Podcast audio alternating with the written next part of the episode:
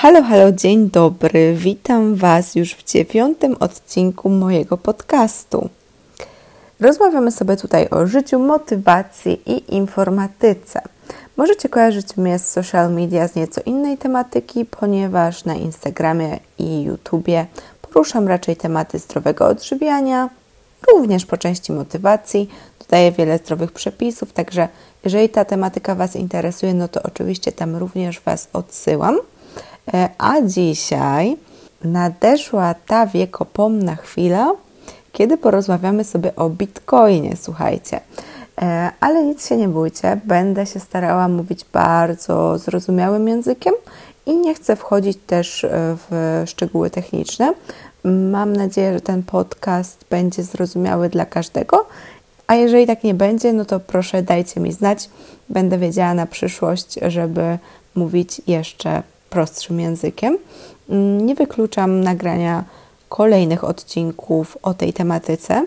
Dzisiaj chciałabym zrobić taki krótki wstęp, powiedzieć Wam takie niezbędne minimum, co to jest ten Bitcoin, takie, żeby, wiecie, nie było wstydu, bo kryptowaluty ostatnio cieszą się coraz większą popularnością i uważam, że taką minimalną wiedzę, no to powinien mieć każdy. E, I na Waszą prośbę powiem Wam również o tym, jak kupić takiego bitcoina. E, ja swoje pierwsze bitcoiny kupiłam koniec października, początek listopada. No jakoś tak nie zrobiłam tego naraz, kupowałam po trochu, ale o tym, o tym może potem. E, no więc tak, powiem Wam jak kupić, ale weźcie pod uwagę fakt, że nie jestem specjalistą. Nic, co tutaj powiem, nie jest żadną poradą inwestycyjną i wszystko robicie na własną odpowiedzialność. Także ja jedynie dzielę się z Wami moją wiedzą. No i co? Chyba możemy już zaczynać. Czym jest ten mistyczny bitcoin? Słuchajcie, no więc to była pierwsza kryptowaluta. Była. Jest w zasadzie nadal. Rok 2009, a autor to Satoshi Nakamoto.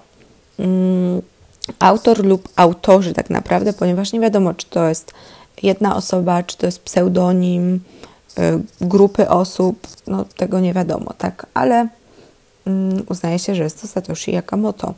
Dlaczego kryptowaluta? Bo to też może nie być dla wszystkich jasne, no krypto od kryptografii.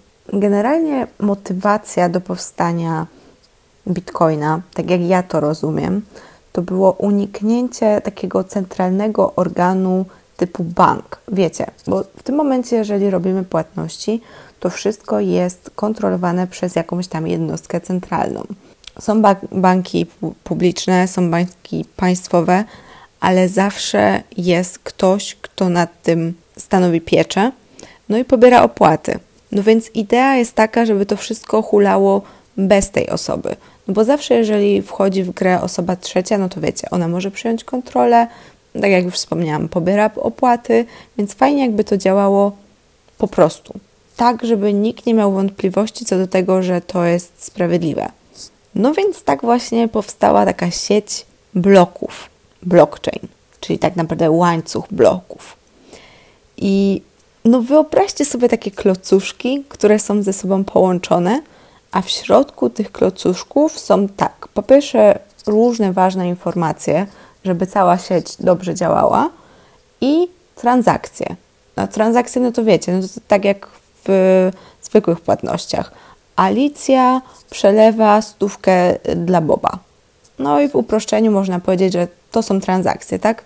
No i często możecie spotkać się z takim określeniem, że w Bitcoinie wszystkie te informacje są dostępne, że jakby każdy wie o wszystkich transakcjach, które się wszędzie dzieją. No i tu może Wam się zapalić w głowie taka lampka, ale jak to przecież tych informacji jest tak dużo, tak dużo tych danych, no jak to się wszystko mieści?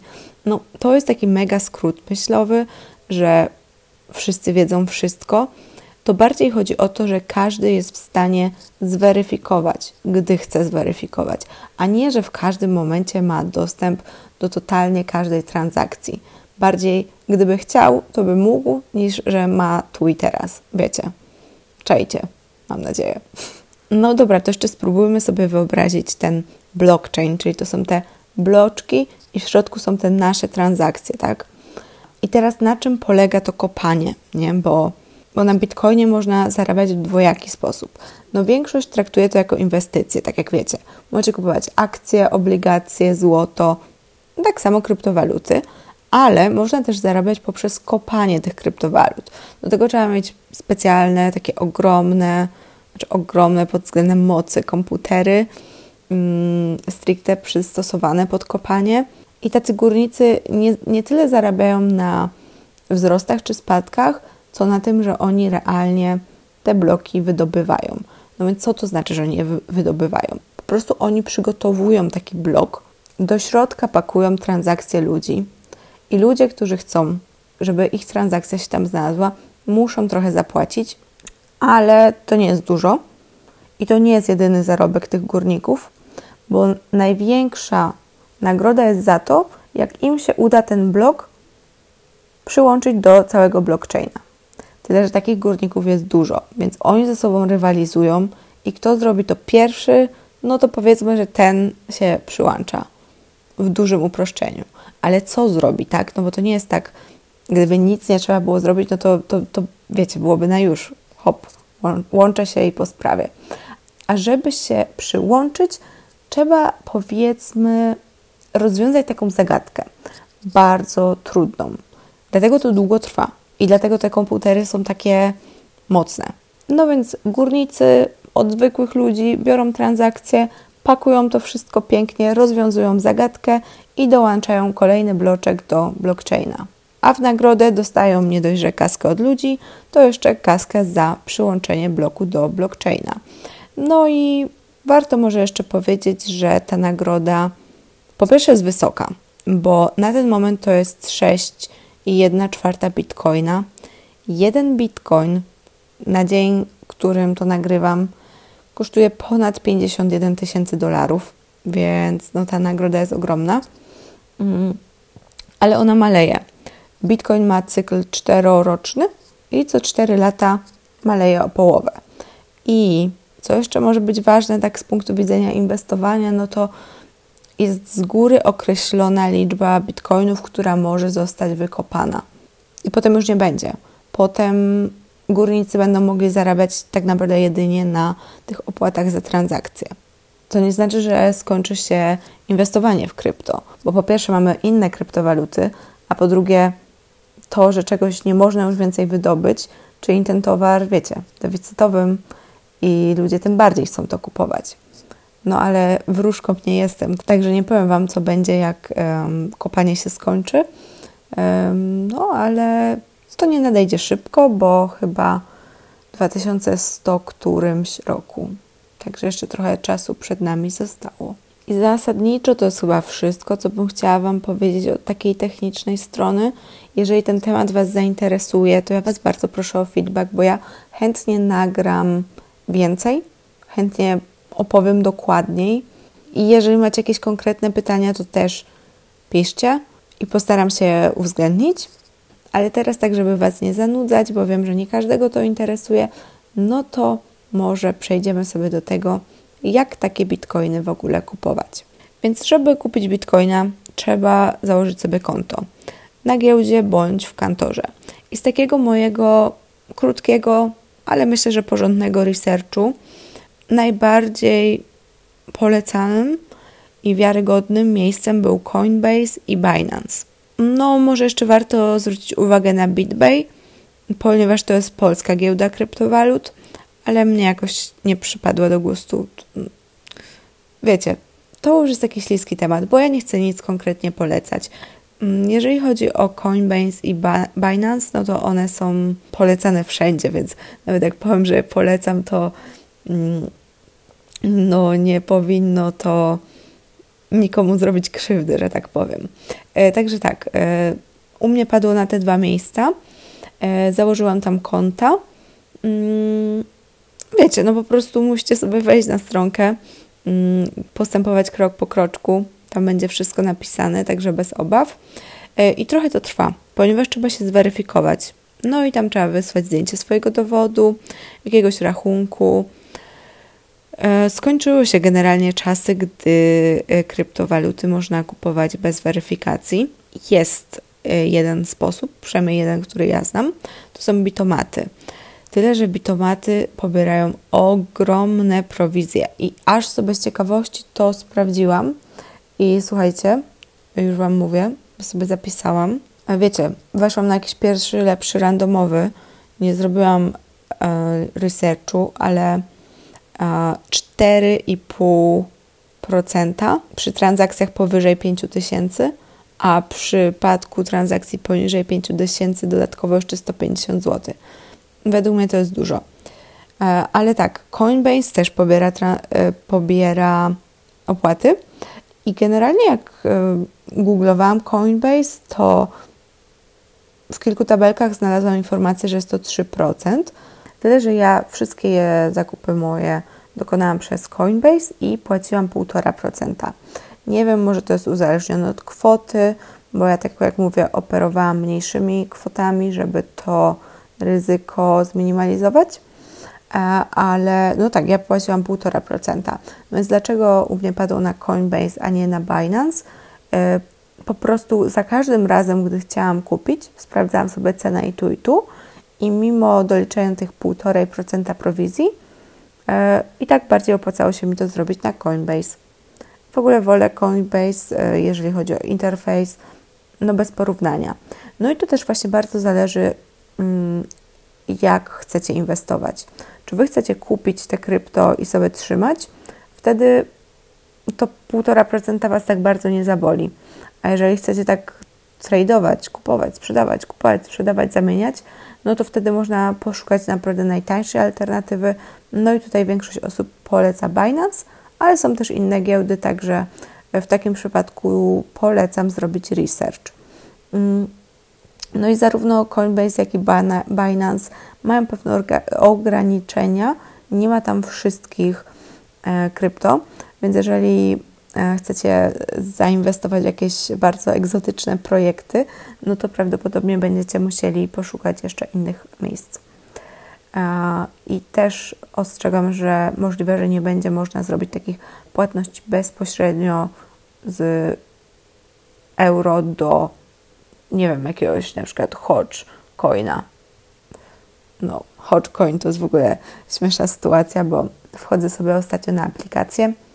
Też e, mogę Wam polecić e, Coin Market Cap. Bardzo ją lubię, bo tak ładnie wygląda. No i patrzę, że ten Hodge e, tak strasznie urósł, że był w jakichś tam top rankingach. No i sobie myślę, co to w ogóle jest? Klikam, nie? Jakby 3 sekundy zajęło mi kliknięcie i wejście na stronę tego projektu. I tam było, że to jest tylko koncept i do not buy it. I to było jakby na głównej stronie, nie? A to już tak zaczęło rosnąć. Także trzeba uważać, e, ponieważ sporo tych projektów to jest po prostu scam. I ja tak trochę odpłynęłam na bok, ale no trudno. Mam nadzieję, że jakoś się nie pogubicie w tej mojej wypowiedzi. Ja na ten moment kupiłam tylko Bitcoina i trochę Ethereum. I nie wykluczam w przyszłości jakichś innych kryptowalut, tyle że ja na razie mam za małą wiedzę, więc z mojego punktu widzenia inwestowanie w coś innego to byłby taki trochę hazard, że wiecie, rośnie, wszyscy kupują, to ja też kupię. I ja czegoś takiego nie chcę. Chcę się najpierw bardziej dokształcić. Tak mm, przymierzam się jedną stopą do Binance Coina. No to właśnie jest ta mm, giełda, o której Wam wspominałam. Więc projekt wydaje się być legit, ale to też nie jest tak, że wiecie, możecie sobie wejść na stronę projektu, obejrzeć kod, ale to wcale nie implikuje tego, że to będzie rosło. No ale przynajmniej możecie e, wykluczyć w ten sposób jakieś skamy. Dobra, wracamy do kupowania, czyli powiedziałam Wam, że musicie wybrać sobie giełdę, ale oprócz e, giełdy można kupować przez pośredników, tyle, że wiecie, pośrednicy biorą za to prowizję, i niby coś Wam pomagają, ale no ja nie jestem zwolenniczką tego typu rozwiązań i tak samo też Was uczulam na rewoluta. Znaczy, uczulam nie znaczy, że nie róbcie tego, bo jasne, jak chcecie, to róbcie co chcecie. Kupowanie a, kryptowalut przez y, rewoluta jest bardzo proste i nie wymaga tych wszystkich właśnie autentykacji, ale Wy nie kupujecie fizycznie tego bitcoina. Nie możecie go sobie wysłać na swój portfel, wy jedynie kupujecie ekspozycję na bitcoina. Czyli to, co kupicie, należy do Revoluta. I póki co nie da się tego wysłać sobie, żeby być właścicielem tych kryptowalut. Także o ile ufacie Revolutowi, to to jest ok. Plus y, jeszcze tam jest spora prowizja, także też polecam mm, doczytać. Aczkolwiek y, no, próg wejścia jest o wiele niższy, bo muszę Wam powiedzieć, że mnie ten cały proces weryfikacji zajął miesiąc. Y, I nie dlatego, że to trwa tak długo, po prostu mi to jakoś tak rozleźle szło. Wiecie, ja chciałam sobie porządnie założyć e, konto, na którym będę miała tylko euro, żeby podpiąć potem mm, to konto pod e, tą giełdę. I to wszystko bardzo rozciągało mi się w czasie, to zakładanie tego konta, potem weryfikacja, wysłałam coś źle, musiałam wysłać jeszcze raz, także no zajęło mi to miesiąc, ale to bardziej przez moją taką rozlazłość niż, że naprawdę to tyle trwa. Niemniej jednak no teraz y, cieszę się, że y, zrobiłam to wszystko porządnie.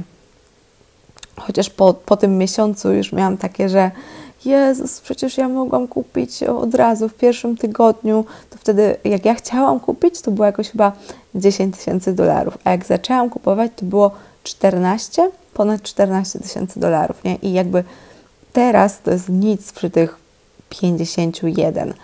Ale wtedy to było prawie 50% wzrostu, nie? Więc jakby ja już miałam w głowie takie myśli, że może to jest za późno na wejście, mm, że no już jakby kurczę, no trzeba było wcześniej się zbierać, no ale no teraz z perspektywy czasu, no to ja się śmieję z tego, no i bardzo się cieszę, że zaczęłam kupować, ale nigdy nie wiecie, co będzie. Więc jakby ja myślałam, że wtedy jest za późno, a to totalnie nie było za późno. A czy teraz jest za późno? No ja nie wiem, nie odpowiem Wam na to pytanie. Ciekawe rzeczy się dzieją i też możemy sobie kiedyś porozmawiać e, tyle, o ile wiem, oczywiście, tak stricte o finansach, bo Bitcoin idzie w górę, mamy hossę. Jeszcze przed Nowym Rokiem, jeżeli się nie mylę, przebiliśmy ten najwyższy próg Bitcoina, który był w 2017 roku, kiedy we wszystkich Uberach i Y, portalach, wszędzie trąbili o bitcoinie i to było, słuchajcie, 20 tysięcy dolarów, a w tym momencie jest 51 tysięcy, więc przebiliśmy, to jest mało powiedziane. Jest inaczej, tak? To, to nie jest ta sama hossa, co była w 2017, bo po raz pierwszy do gry weszły duże instytucje. I dobra, odpływam. Dobra, nie będziemy tutaj się rozwodzić nad. Yy, takimi spekulacjami, bo chciałabym, żeby ten mm, pierwszy podcast był taki zwięzły i na temat. A mam jeszcze kilka ważnych rzeczy do powiedzenia. Więc to, że kupicie bitcoiny, to jest jedno, ale trzeba je gdzieś trzymać. I do tego są portfele. Pierwsza i najważniejsza zasada: nie trzymamy kryptowalut na giełdach, bo giełdy lubią być hakowane. No właśnie, Binance. Yy, też na minus Binance'a został kiedyś zhakowany. I jeszcze jeden minus Binance'a, no to ja dostałam taki cynk zresztą od Was, jak kiedyś e, dodawałam coś na story o krypto, że Bank Polski lubi blokować przelewy na Binance, mówiąc, że to scam. A, I no, no i to jest problem, no bo ja mam akurat konto w mBanku i póki co wszystko było ok ale no tak Wam mówię, posłyszałam o tego typu problemach. E, dobra, dobra, wracamy, bo znowu odpłynęłam. Jak kupicie kryptowaluty, to trzeba je później przesłać na swój e, portfel.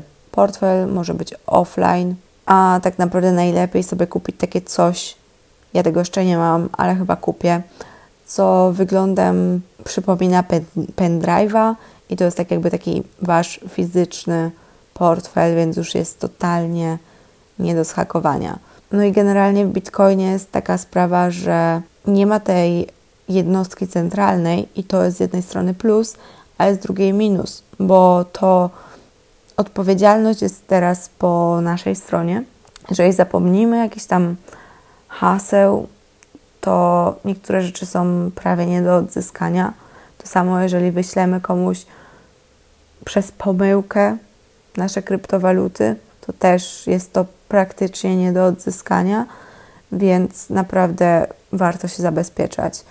Jak nie ten fizyczny portfel, to chociażby taki offline'owy.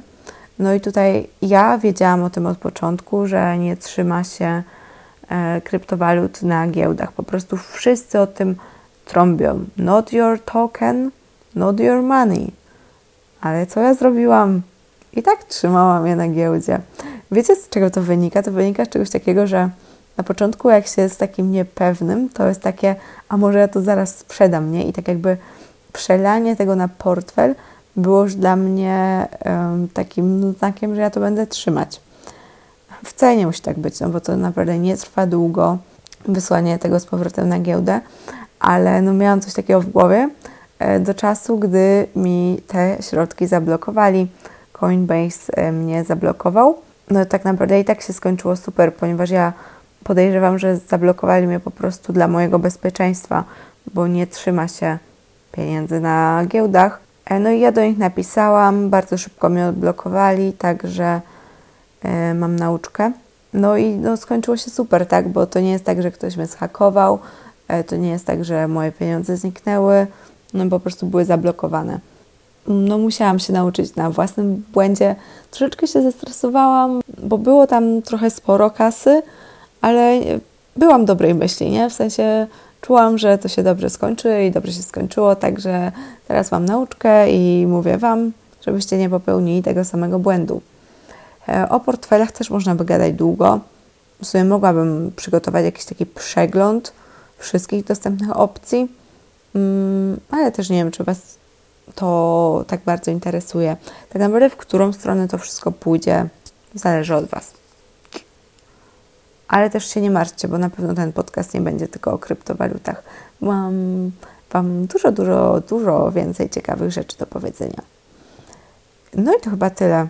To są takie informacje wstępne, które chciałabym Wam przekazać, tak żebyście mieli jakąś taką bardzo podstawową wiedzę, e, no i takie wskazówki, jak zacząć swoją przygodę. Oczywiście musicie sami doczytać, bo no ja za Was tego nie zrobię. No i też y, ja nie wiem, czy powinniście kupować. To zależy od Was.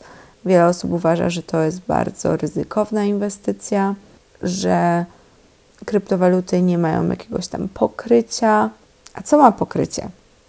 Ja się pytam, co ma pokrycie, bo pieniądze, którymi operujemy na co dzień od roku, nie pamiętam już którego, również nie mają już pokrycia w złocie i można ich drukować w nieskończoność, a Bitcoin jest przynajmniej skończony. No, wiele jest argumentów na korzyść Bitcoina, ale też dzisiaj nie o tym. Dzisiaj już kończymy. Póki co zostawiam Was z takimi podstawowymi informacjami, a co Wy z nimi zrobicie, no to już jest Wasza osobista sprawa. Na dzisiaj to już wszystko. Bardzo Wam dziękuję za wysłuchanie tego podcastu. E, jeżeli Wam się podobało, no to udostępniajcie. Ja Was zawsze też potem na story e, udostępniam. Jeżeli słuchacie tego w Apple Podcast, to możecie zostawić recenzję, um, dodać podcast do obserwowanych. Będzie mi bardzo, bardzo miło. A my słyszymy się już za tydzień. Cześć.